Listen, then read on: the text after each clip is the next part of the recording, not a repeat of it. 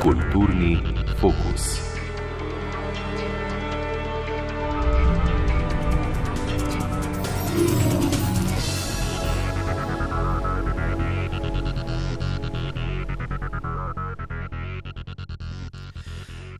Ozemlju današnje Slovenije so bile v visokem oziroma poznem srednjem veku ustanovljene kar štiri kartuzije v Žičah, Bistri, Pleterjah in Jurkloštru.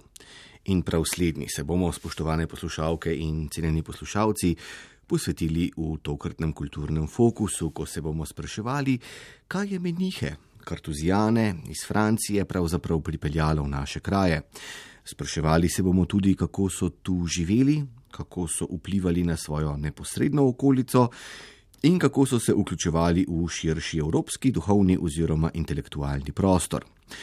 Prav tako nas bo zanimalo, kakšen samostan so si med 12. in 16. stoletjem na vse zadnje zgradili, v kolikšni meri se je ta kompleks ohranil in kakšna je njegova arhitekturna oziroma umetnostno-zgodovinska vrednost.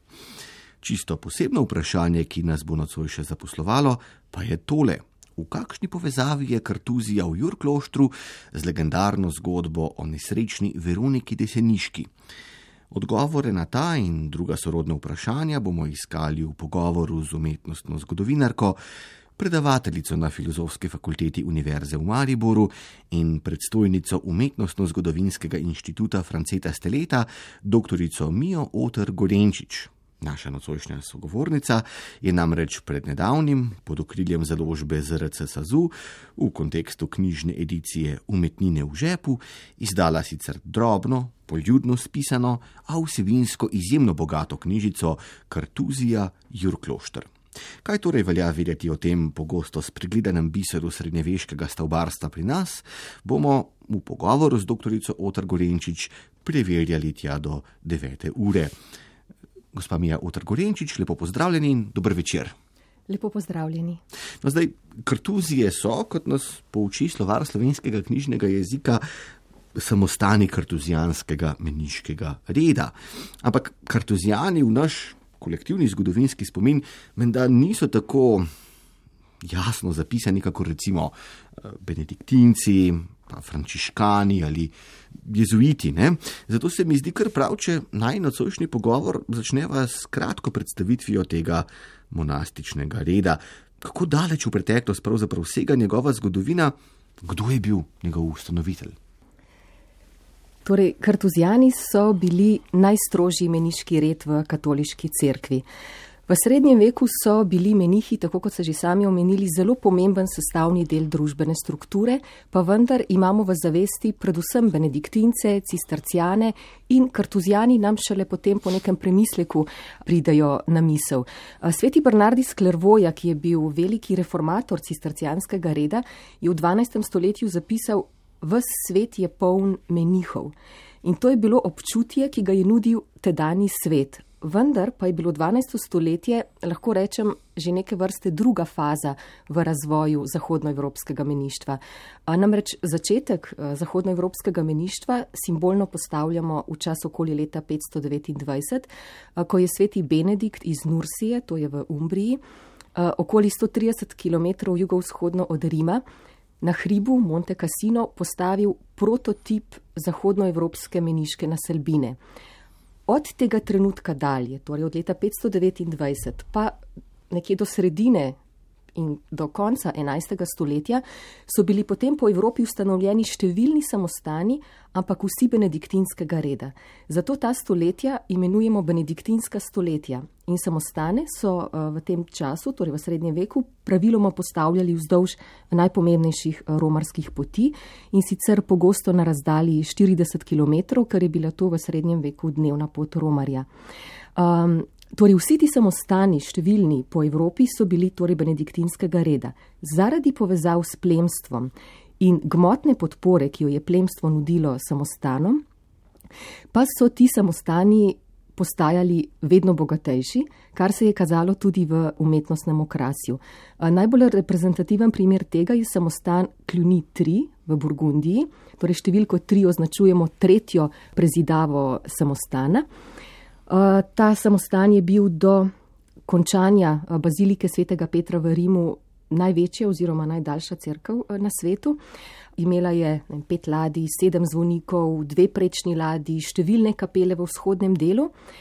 No, in ravno zaradi tega materialnega bogatstva, ki se je torej kazalo tudi v teh megalomanskih sakralnih prostorih, opremljenih seveda s številnimi dragocenimi umetninami, so nekateri menihi pričeli izražati nezadovoljstvo nad tem materialnim bogatenjem benediktinskega reda in posledica je bila, da je iza zidov benediktinskih samostanov pričelo prihajati vse več menihov, ki je izražalo nezadovoljstvo nad takšnim materialnim bogatenjem reda in ki so se želeli naseliti nekje drugje, na nekem samotnem kraju in tam uresničevati svoj ideal meniškega življenja, ki bi bil skromnejši in bi bolj sledil zgledu svetega Benedikta.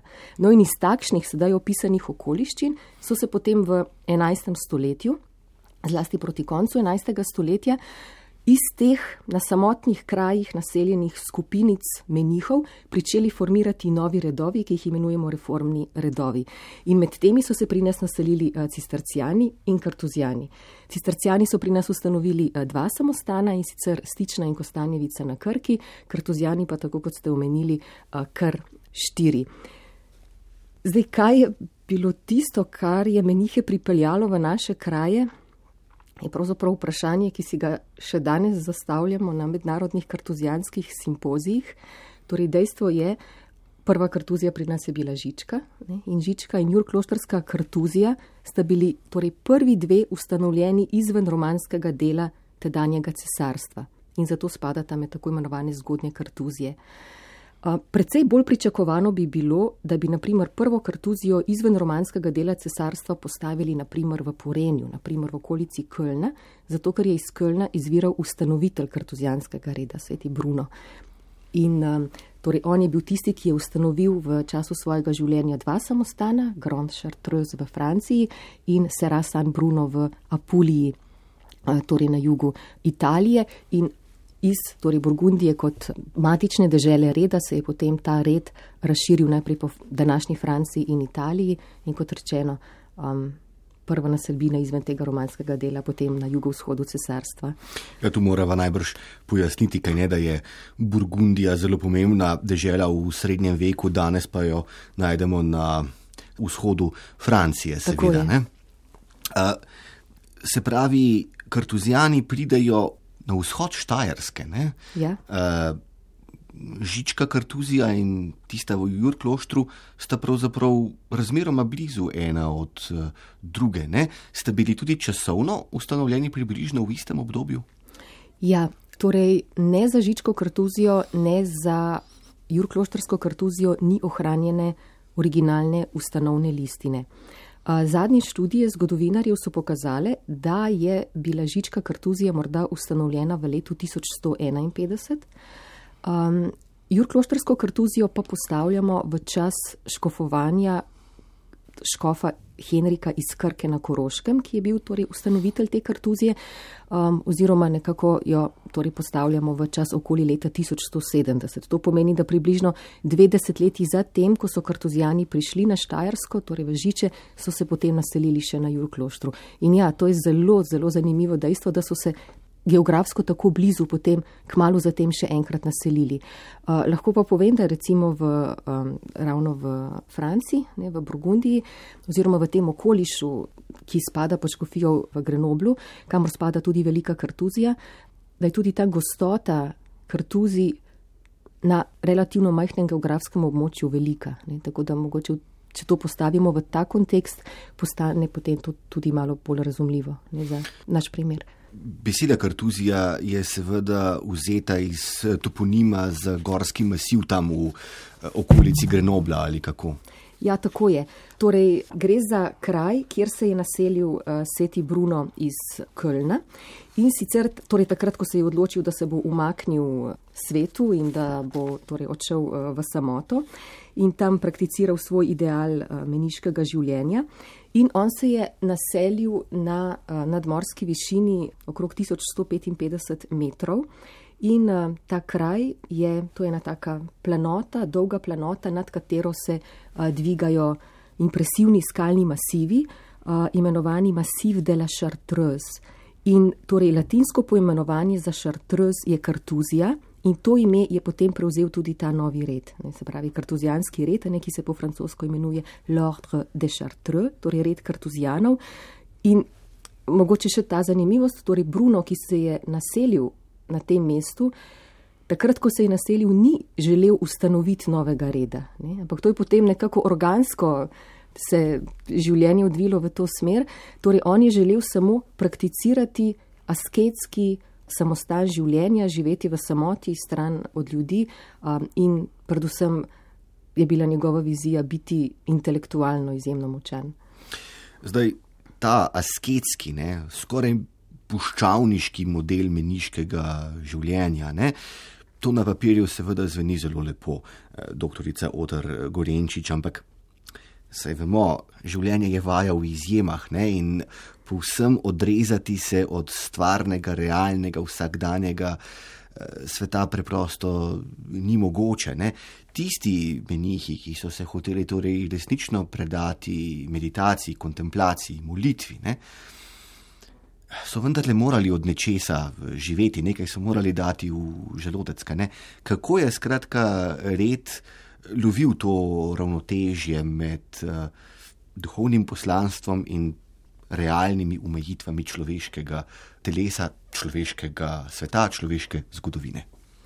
Torej, kartuzijani so uvedli nekaj specifik pri svojih meniških naselbinah. Torej, specifik, ki jih druge pri drugih redovih, kot so benediktinci in cistercijani, nismo poznali. Torej, ena od teh značilnosti je bila postavitev dveh samostanov znotraj ene kartuzije. In sicer zgornjega samostana, tako imenovani domus superior za brate menihe, in pa tako imenovani spodnji samostan, domus inferior za brate lajke. Zgodnje kartuzije so bile ustanovljene kot prej opisano visoko v gorah, ali pa kot je primer Žičke kartuzije in tudi kartuzije Jurklošter v nekih samotnih dolinah. In ti spodnji samostani so bili postavljeni ali približno 200 do 300 metrov nižje, govorimo o nadmorski višini, ne, v primeru, ko so bile kartuzije ustanovljene v gorah, ali pa približno 3-4 km pred vstopom v dolino, v kateri je bil na koncu potem postavljen kartuzijanski samostan. In funkcija teh spodnjih samostanov je bila, tam so živeli torej bratje Lajki, da je ustavljala popotnike in preprečevala, da bi kdo vstopil, torej kakšna neposvečena oseba vstopila v ta svet prostor, ki je tvoril eno kartuzijo. No, in ti spodnji bratje, ki so živeli v tem spodnjem samostanu, so bili tisti, ki so živeli, za, eh, torej skrbeli za gospodarsko plat samostana, ki so tudi preskrbovali menihe, jim torej kuhali, nosili hrano, skrbeli za obdelovanje zemlje. Vsi samostani so bili veliki zemljiški posestniki in iz teh dohodkov, ki so jih ustvarjali na teh posestih, se je potem samostan tudi preživljal. Niso bili pa menihi, torej kartuzijani sami tisti, ki bi ne, delali na polju recimo ali pa se ukvarjali z strežbo drugim menihom. Njihovo življenje je bilo torej resnično scela. Potopljena v svet duhovnosti. Ne? Ja, res je. Sploh je pa še ta značilnost, ne, da kartuzijane imenujemo ne samo beli menihi, ampak tudi molčeči menihi ne, in so preživeli torej večji del svojega življenja v tišini in v samoti svoje celice.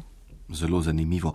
No, zanimivo pa se mi zdi tudi eh, tole, doktorica Otr Gorenčič, ne, da je za takšno življenje bil ta spodnji samostan, ki so ga naseljevali bratje laiki ne, in ki so torej preskrbeli materialno podlago za to, da so lahko bratje kartuzijani resnično živeli v skladu s svojimi ideali, ne, da je ta spodnji samostan očitno v primeru Jurkloštrske kartuzije ne, eh, vsaj na začetku zatajil, ne, da, kakor pišete v svoji knjižici Kartuzija Jurklošter, ne, eh, da ni mogel pravzaprav preskrbeti ustreznih pogojev za delovanje Kartuzije in je bil celoten samostan pravzaprav nekaj desetletij po nastanku uradno kaj, razpuščen, ukinjen ali kako. Ja, to je ena zelo zanimiva situacija, ki se ni pogosto ponovila v evropskem prostoru. Namreč poznamo več primerov v Evropi, kjer so bili kartuzijanski samostani ustanovljeni prav tako v 12. stoletju in so bili nekaj desetletij po nastanku razpuščeni, vendar potem nikoli več obnovljeni. No, tukaj v primeru kartuzije Jurklošter pa je prišlo do dveh ustanovitev. Torej prva, tako kot ste omenili, ne, torej okrog 1170, se ni obdržala dolgo. Iz ohranjenih arhivskih listin ni mogoče povsem natančno rekonstruirati, kaj točno je vodilo k propadu samostana v letu 1199, torej 30 letja po nastanku.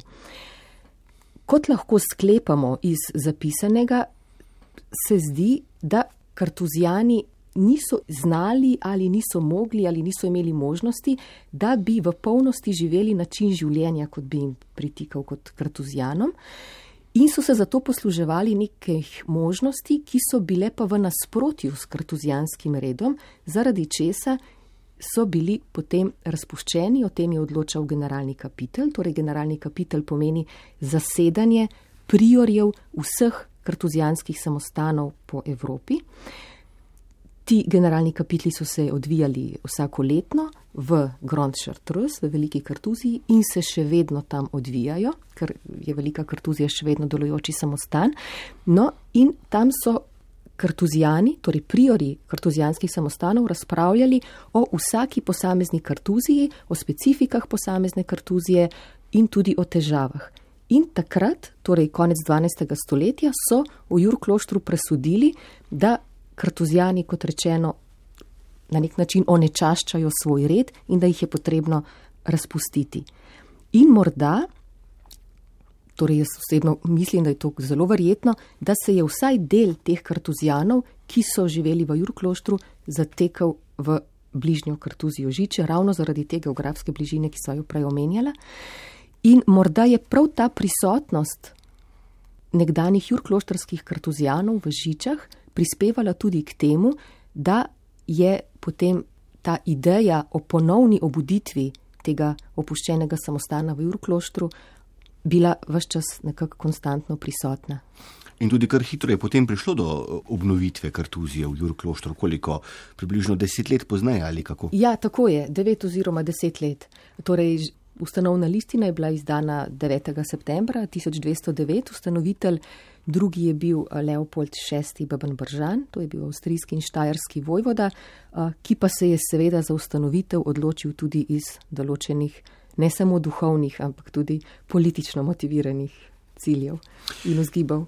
Ja, o tem, kar obilo pišete, doktorica Otar Gorenčič v eh, svoji knjižici, ne, zdi se, ne, da je zgodba povezana s to drugo ustanovitvijo, ne, uredna malodane filmske ekranizacije. Namreč uh, posredi so ambicije velikih evropskih plemiških eh, družin, pa politični atentati in podobno. Lahko, prosim, v grobih potezah obnovite, kaj se je pravzaprav uh, zgodilo.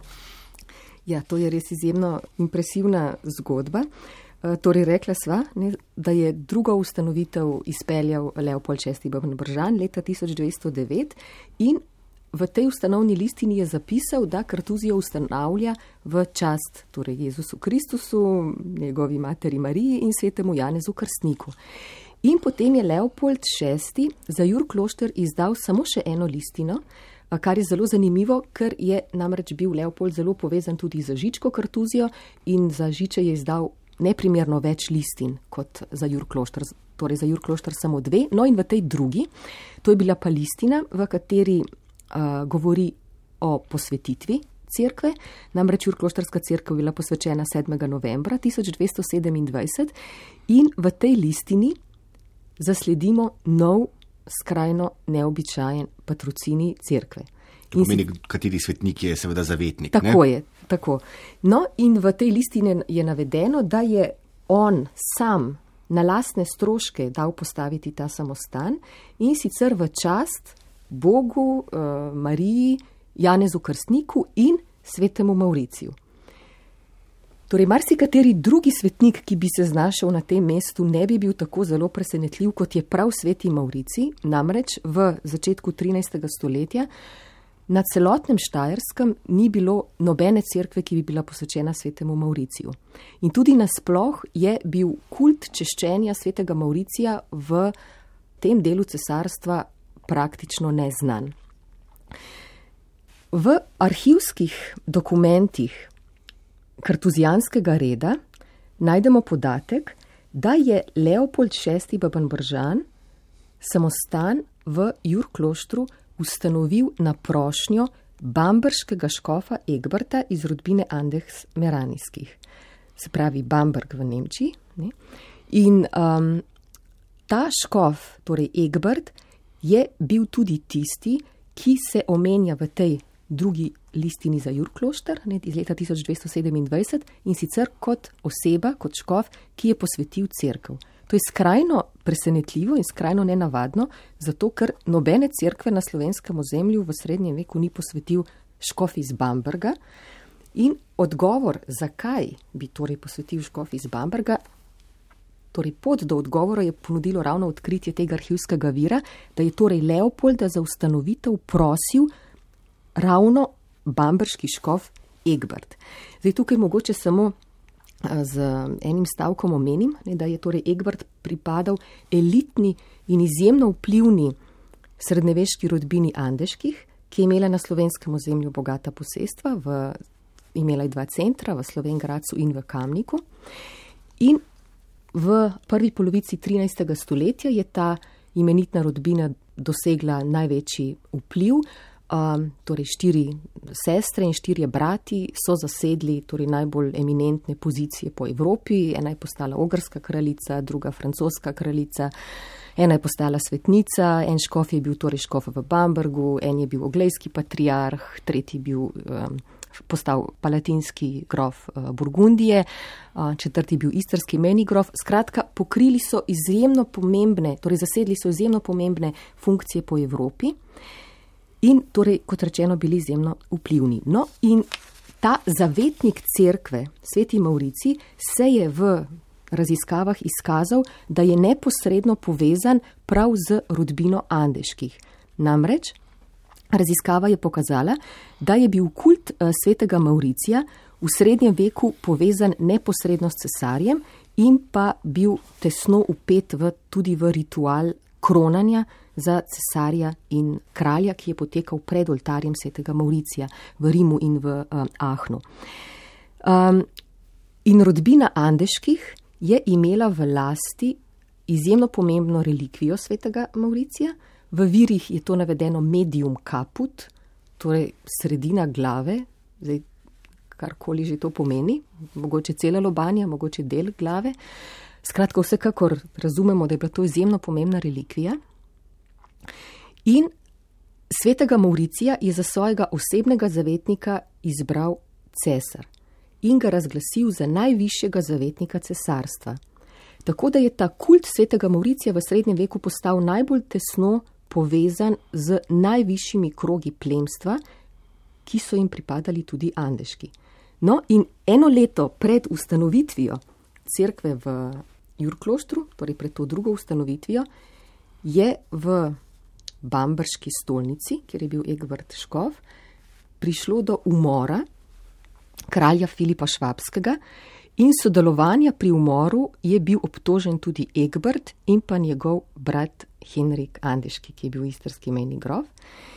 In ona dva sta potem izgubila vse svoje funkcije, vse svoje časti, in Egbert se je odločil za izredno modro politično potezo, da se bo povezal z avstrijskim in štajerskim vojvodom Leopoldom VI. Babenbržanom, ki je bil drugi ustanovitelj Kartuzije v Jurkloštru.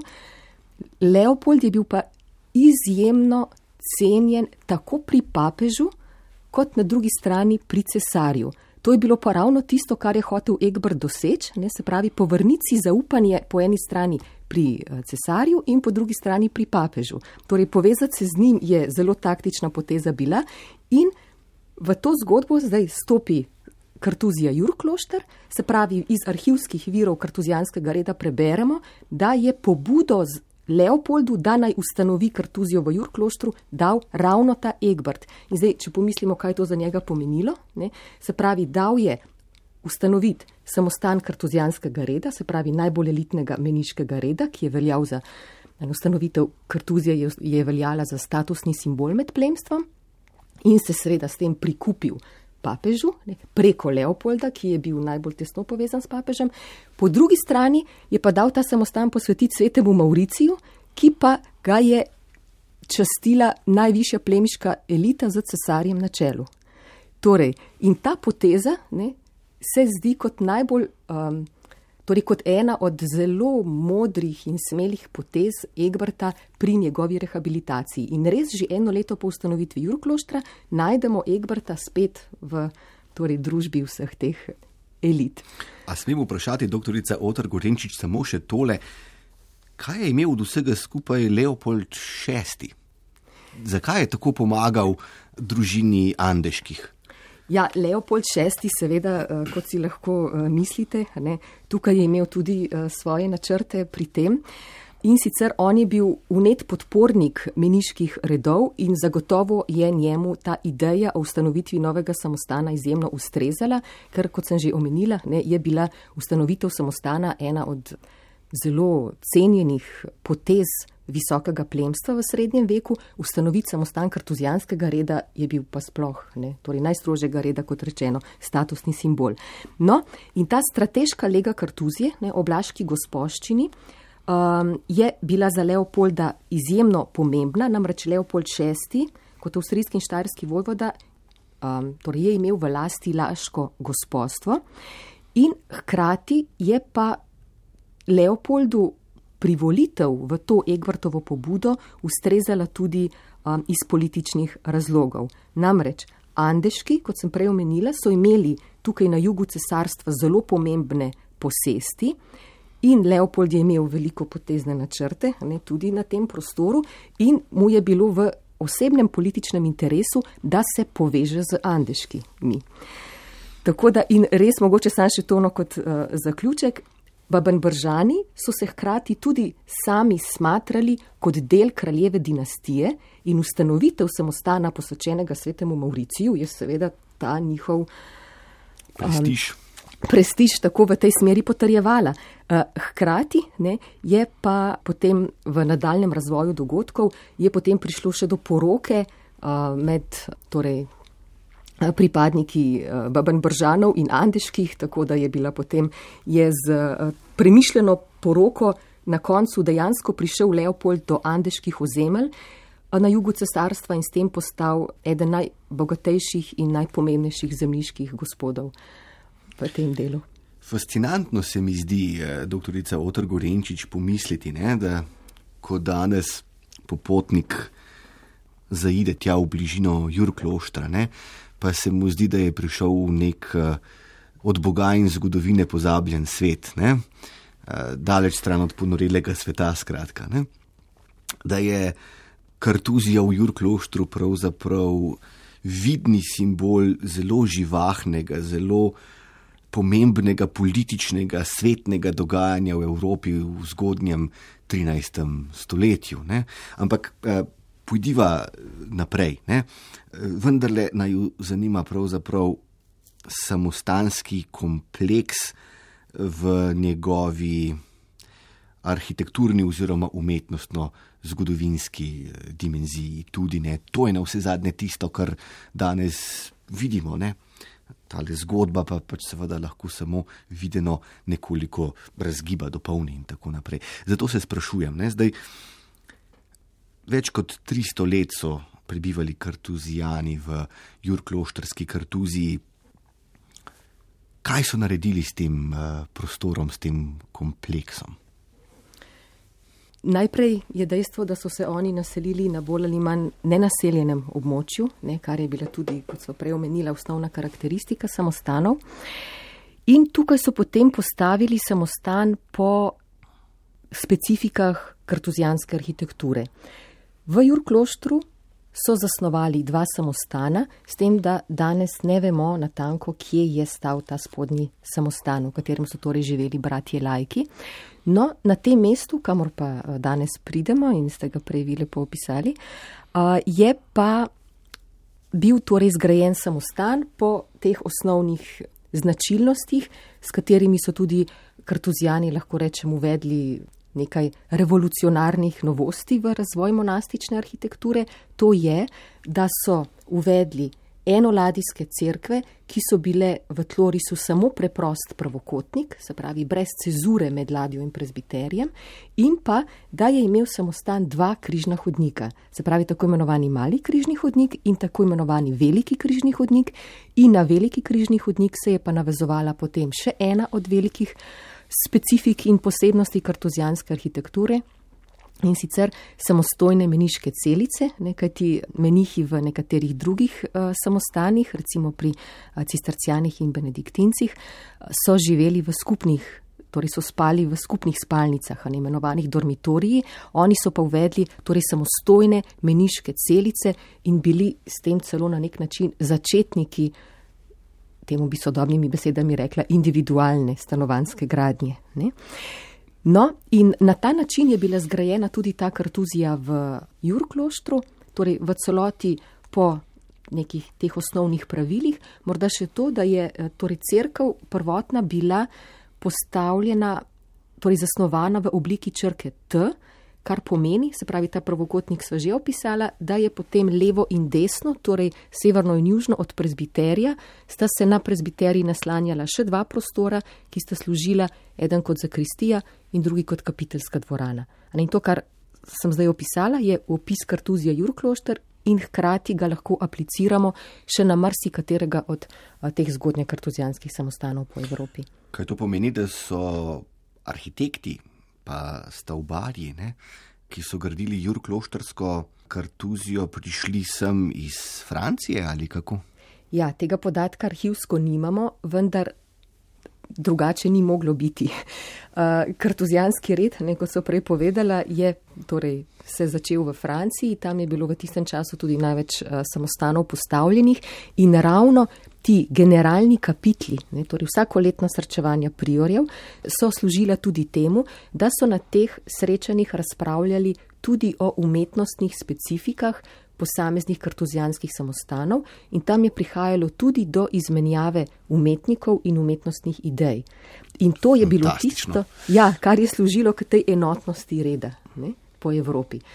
Um, in pa še to, ne, že Žičko kartuzijo so gradili francoski stavbeniki ne, in zagotovo je tukaj vmes tudi med Žičami in Jurkloštrom zaradi najneži prej omenjene geografske bližine. Um, prišlo gotovo do nekih konzultacij in najbrž tudi konkretne pomoči pri gradnji. No, zdaj, domnevam, ne, da je tako asketski red, kot so bili kartuzijani, ne, eh, gojil vsaj nekaj uh, skepse ali zadržanosti do pretiranega krašenja cerkve s plastiko ali freskami, ali imam prav? Ja, imate povsem prav. Torej, kartuzijani so ta svoj asketski način življenja prenesli tudi v umetnost. Um, to, kar so prej opisala, ne se pravi te preproste cerkve v obliki samo pravokotnika, ne, um, so bile v popolnem nasprotju z preostalimi crkvami drugih meniških redov in ta askeza, ki se je kazala torej v stavbni tlorisni zasnovi, se je potem prenesla tudi v same notranščine crkva.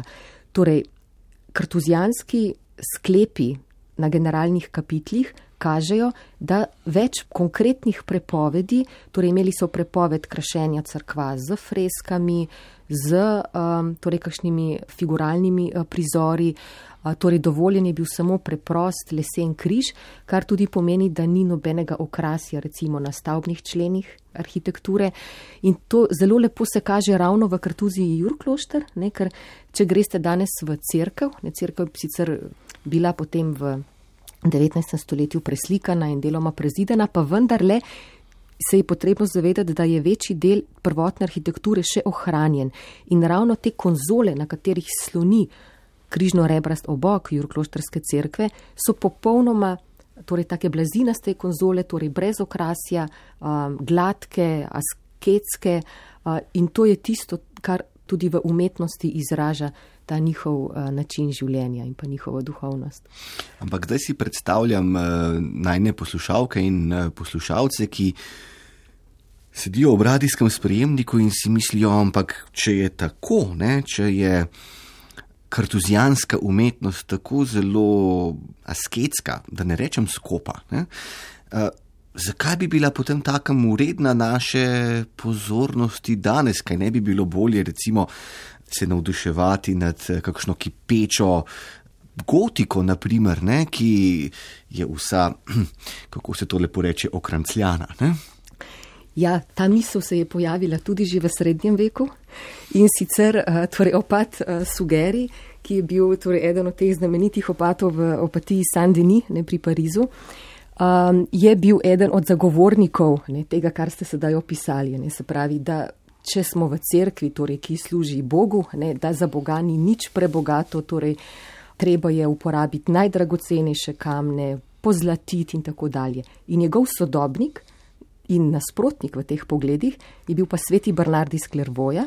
Um, on je bil reformator cistercijanskega reda, se je pa obregnil ravno ob to in utemeljil to z besedami, da je takšno bogatstvo smiselno v crkvah, ki služijo ljudem, ker ljudje pač rabijo neke zunanje materialne vzgibe za to, da doživijo neka, um, torej neke um, višje čustvene in duhovne um, torej, pretrese. Tako. Uh, no, po drugi strani pa menihi tega ne potrebujejo, kajti menihi so tisti, ki so se umaknili svetu in ne potrebujejo teh zunanjih um, dražljajev, da bi torej dosegli to svojo duhovnost.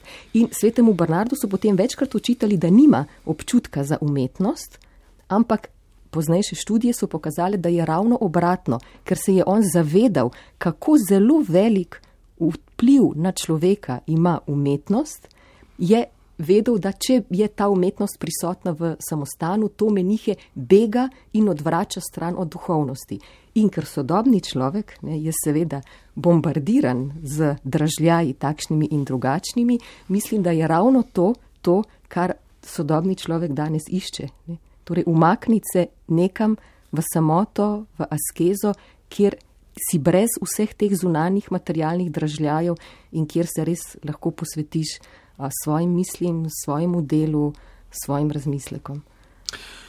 Slejko prej imate prav, pa je eh, bil tek časa s kartuzijo v Jurkloštru po tej uh, umetnostno-zgodovinski oziroma arhitekturno-zgodovinski plati uh, mil, prizanesljiv. Je veliko ohranjenega ali je pač eh, danes eh, pravzaprav za obiskovalca na voljo samo še nekaj elementov iz eh, recimo teh starih srednjeveških časov? Ja, torej od srednjeveškega samostana se je do danes ohranila crkv in torej rada bi povdarila, da ko stopimo v to crkv, da je potrebno imeti v zavesti, da so stene cerkve še iz 12. stoletja in obok iz začetka 13. stoletja.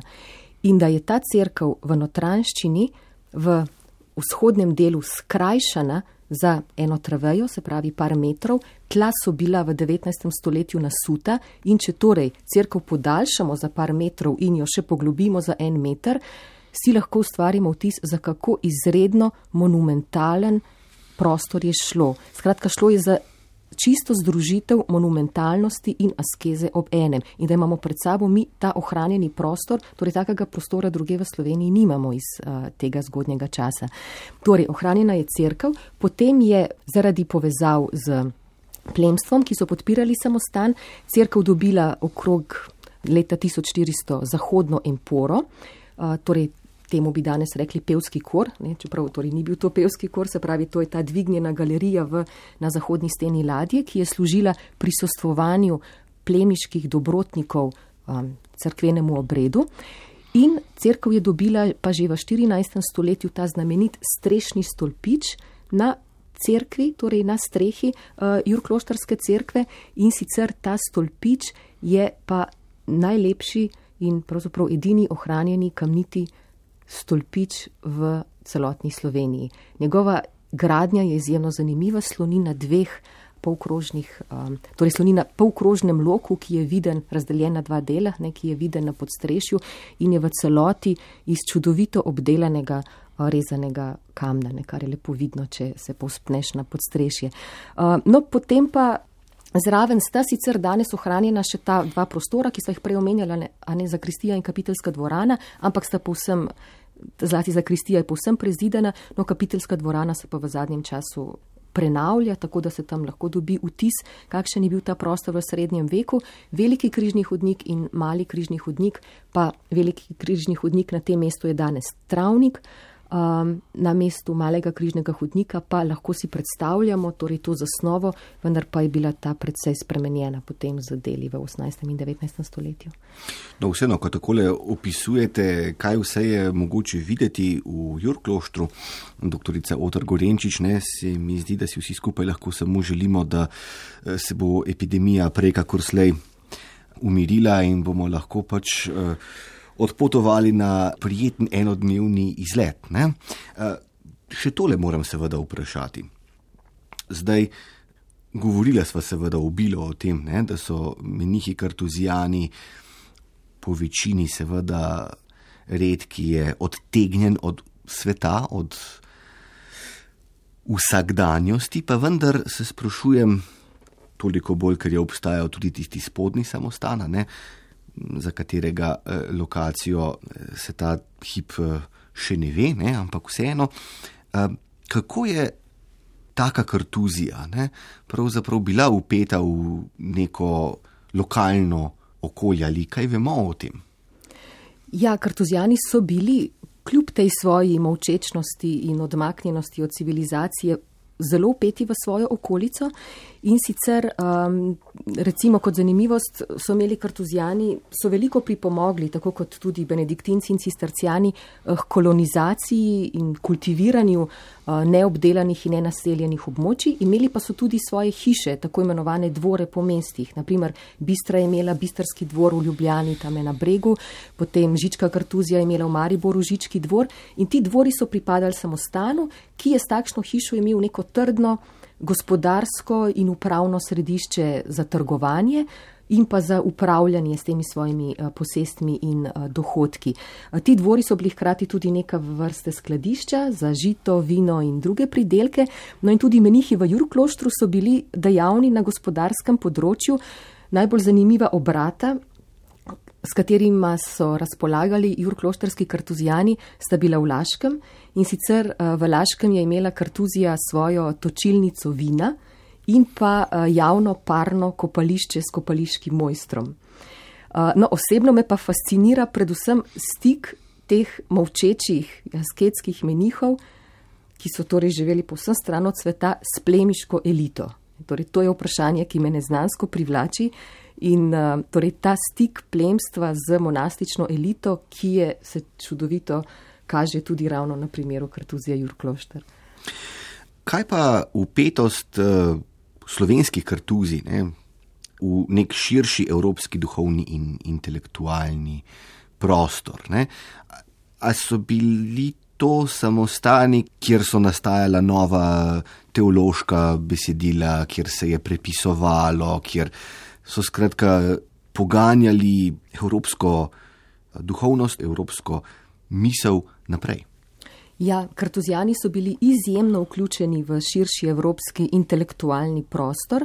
Konkretno v kartuziji Jurkloštar so živeli številni pomembni in intelektualno zelo močni in vplivni menihi. Recimo, če omeniva vsaj katerega od teh, recimo Nikolaj Kemp v 15. stoletju, on je bil eden od najpomembnejših pozno srednjeveških filozofov in teologov. On je študiral na univerzi na Dunaju in postal celo profesor na Dunajski univerzi. Pri 43 letih pa se je odločil, da bo vstopil k kartuzijanom in sicer najprej v kartuzijo Gaming, to je na ozemlju današnje Avstrije. In um, od tam je potem šel na Južno Štajersko in bil dvakrat prior v kartuziji Jurklošter, nekaj časa pa je živel tudi v kartuziji Pletarje. In skupno je on na slovenskem ozemlju živel več kot 30 let in v teh letih, v tem času so zagotovo nastala tudi nekatera od njegovih del, ki so torej temelj pozno srednjeveške teologije in uh, filozofije. Potem pa recimo izjemno znamenita oseba je tudi Štefan Makone, ne? on je bil sicer v Žički kartuziji, ampak je tudi povezan z Jurk Kloštrom, on je bil pa generalni prior reda, namreč v času velike crkvene schizme, ne? je tudi kartuzijanski red bil razdeljen in tiste kartuzije, ki so podpirali rimskega papeža, so morale izbrati svojega generalnega priorja, ne, ker je generalni prior v veliki kartuziji podpiral avinjonskega, no in so izbrali pač priorja v kartuziji Žiče. No in tam je bil Štefan Makone. In on je bil osebni prijatelj in tajnik svete Katarine Sienske, ona je bila izjemno vplivna mistikinja druge polovice 14. stoletja in ona je dosegla vrnitev papeža iz Avignona v Rim. No, in on si je potem, Štefan, a ne Makone, po njeni smrti intenzivno prizadeval za to, da bi bila Katarina razglašena za svetnico in je dal v ta namen v kartuziji Jurklošter, menihu Bernardu, nalogo, da naj prepiše takrat nastalo legendo, ki jo je potem pošiljal po svetu različnim vplivnim eh, posvetnim in crkvenim posameznikom z namenom, da bi torej dosegel to kanonizacijo, do katere je potem tudi prišlo. Ne. Tako da v bistvu so, kot vidite, bile te naše kartuzije najtesneje upletene ne, v dogajanje v širšem evropskem prostoru. In ne samo duhovno in crkveno, ampak tudi politično in intelektualno. Ja, to se prav hotel pripomniti, ne, da tako pogosto slovenci pravzaprav mislimo, da smo nekako gledano z zgodovinskega zornega kota, vselej na obrobju Evrope, ne, da smo eh, neko slepo črevo, da se vse tisto, kar se pomembnega godi, dogaja v Italiji, Franciji, Nemčiji, ne mara še Angliji, ne, mi pa ostajamo ob robu. Ampak eh, ne, ravno kartuzija v Jorkloštru svojo bogato zgodovino ne, dokazuje, da temu še zdaleč ni tako. Ne, ampak ker se zlagoma bližava sklepu najnega nocojšnjega pogovora, doktorica Otr Gorenčič, morava pravzaprav spregovoriti še o enem pomembnem poglavju iz bogate jurkloštrske zgodovine, ki pa je neposredno seveda povezana uh, s slovenskim prostorom. Govorim seveda o tej uh, znameniti, nesrečni, ne mara kar tragični ljubezni med uh, Veroniko Deseniško in Friderikom II. celskim grofom. Ne? To je bila taka, kaj bi človek rekel, ne? ljubezen med Romeom in Julijo. Nekaj, kar se preprosto v stanovsko rigidni družbi 15. stoletja ne bi smelo zgoditi. Ampak kako je tu zraven zdaj povezan Jurklošter in tamkajšnja kartuzija? Ja, torej Veronika je bila druga Friderikova žena, ne, s katero se je poročil po smrti oziroma domnevnem uboju ne, prve a, žene, Elizabete Krško Modruške, ki so jo našli mrtvo v posteli na gradu Krapina. No in a, od samega začetka je oče Friderika Celskega nasprotoval tej vezi, ampak Friderik se je za njo vseeno, a, torej kot vemo, poročil. In Herman kot oče Friderikov ni odnehal in je obsodil potem eh, Veroniko čarovništva. Veroniko so sodili na crkvenem sodišču v celju in Veronika je bila istega dne oproščena vseh obtožb. Ne, torej obsojena je bila, da je zalezovala z strupi Friderika in mu stregla po življenju in tako naprej. No, in nekatere teze so se pojavile v literaturi, torej konkretno um, gospod Karel Gržan je predlagal to interpretacijo, da bi tako močan zagovornik, ki bi v enem dnevu dosegal, da je crkveno sodišče oprostilo Veroniko obtoženega čarovništva, lahko bil samo jurkloštrski prior. To bi lahko govorilo tudi v prid temu, zakaj je potem se v nadaljevanju ta tragična zgodba Veronike tudi končala v Jurukloštru. Namreč Herman je potem ujel Veroniko in ukazal naj jo utopijo v Čebru pod gradom Ojstrica. Točnega datuma tega dogodka ne vemo, oziroma vemo točen datum, ne vemo točnega leta. Domnevamo, da se je to zgodilo 17. oktober 1425 in Friderik se je odločil, da bo Veroniko pokopal v Braslovčah. Ampak na tem mestu je šele pa sledil najbolj uznemirljiv del te zgodbe, namreč nekaj let po smrti se je Friderik premislil in se odločil, da bo Veroniko izkopal, jo prepeljal v Jurklošter in tam v novič pokopal. In to vprašanje, kje v Jurkloštru je Friderik pokopal Veroniko, je vprašanje, ki buri duhove, ne, torej slovensko javnost in zgodovino že torej dolga res dolga desetletja, torej Anton Martin Slonšek je bil eden od teh, ki je iskal Veroniki in grob v cerkvi v Jurkloštru, potem v 30 letih 20. stoletja so ponovno neuspešno Veroniki in grob iskali v Jurkloštrski cerkvi. No, potem pa je leta 2005 tedajni Jurkloštrski župnik, že omenjeni Karel Gržan, objavil, da je odkril Veronikin grob v kapiteljski dvorani v Jurkloštru. Um, no, najnovejše raziskave arhitekturne zgodovine pa so pokazale, da so ti zidovi, ki jih je interpretiral kot katafalk Veronikinega groba, v resnici temelj južne stene gotske kapiteljske dvorane. Poleg tega je bilo pa tekom priprave te knjižice, o kateri se mi dva danes pogovarjava, možno v vatikanskih arhivih odkriti en zapis, ki je bil do sedaj neznan in sicer to je zapis Friderika II. Celskega, v katerem prosi za odpustke za kapelo Svete Marije v velikem križnem hodniku Kartuzije Jurklošter. In v tem zapisu zraven piše, da si želi, da ga po smrti pokopljajo v tej kapeli. In glede na to, da so celjani imeli svojo dinastično grobnico v minoritski cerkvi v celju, ta želja izrazito izstopa in je v nasprotju z torej vsem pričakovanjem in jo interpretiramo tako, da je to intimno željo mogoče razumeti zato, ker je v ta prostor dal predtem on sam pokopati oziroma prekopati Veroniko in je želel tam zraven nje biti pokopan tudi sam. Potem je še nekaj dodatnih arhivskih listin, ki so ohranjene v zvezi z to pokopališko kapelo, ki so predstavljene v tej knjižici, ki kažejo na to, da je imela ta kapela res en zelo poseben status v um, torej, celotnem samostanu in hkrati tudi v tej zgodovini grofov celskih. Pa morda še to, ravno tri leta po letu 25, ne, torej domnevnem letu Veronikine smrti, torej leta 1428, je generalni kapitel reda v Veliki Kartuziji izdal dovoljenje jurkloštarskim menihom z neko kapelo.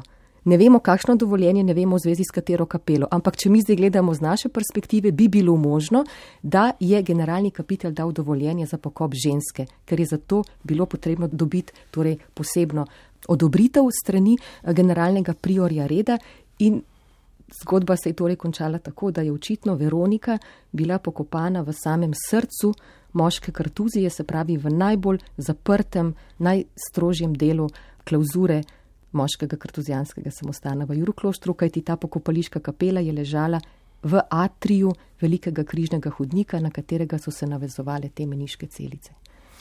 Fascinantna zgodba. Domnevam potem takem, ne, da je ta zagovor, če je do njega res prišlo, zagovor Veronike desedniške strani Jurkloštrskega priorja bil tisti, ki je v očeh eh, Friderika vzpostavil to neko povezavo med uh, Veroniko in uh, Kartuzijo samo, kaj ne?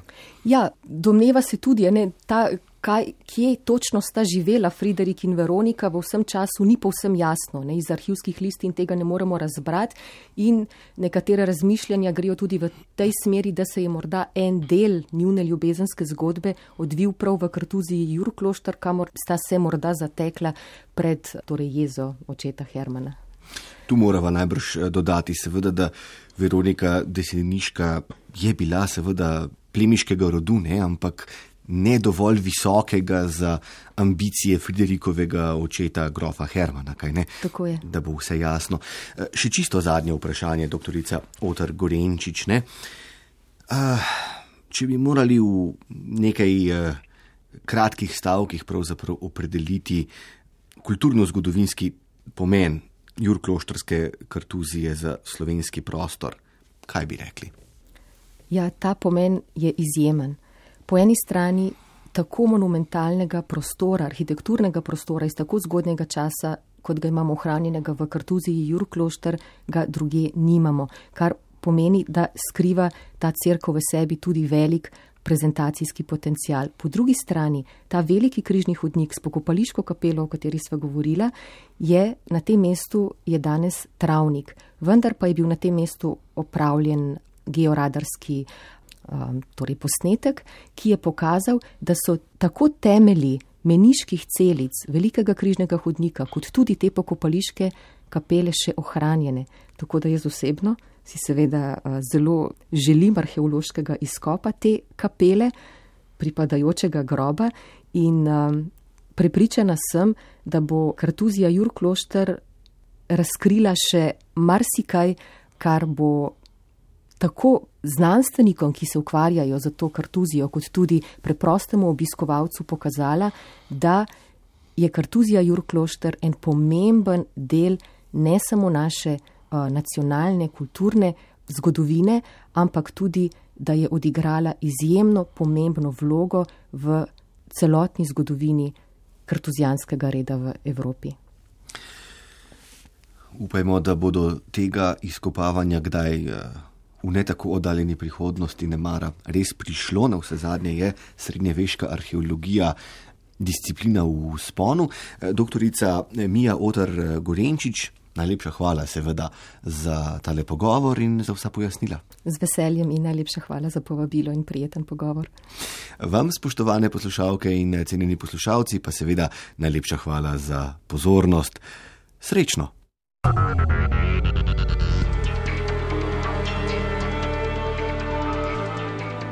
Tem smo prišli do konca tokratnega kulturnega fokusa. Odajo, ki jih lahko prisluhnete tudi v obliki podcasta ali jo poiščete na spletni strani prvega programa, sem pripravil in vodil Goran Dekliva. Zvočno pa jo je oblikoval David Lam.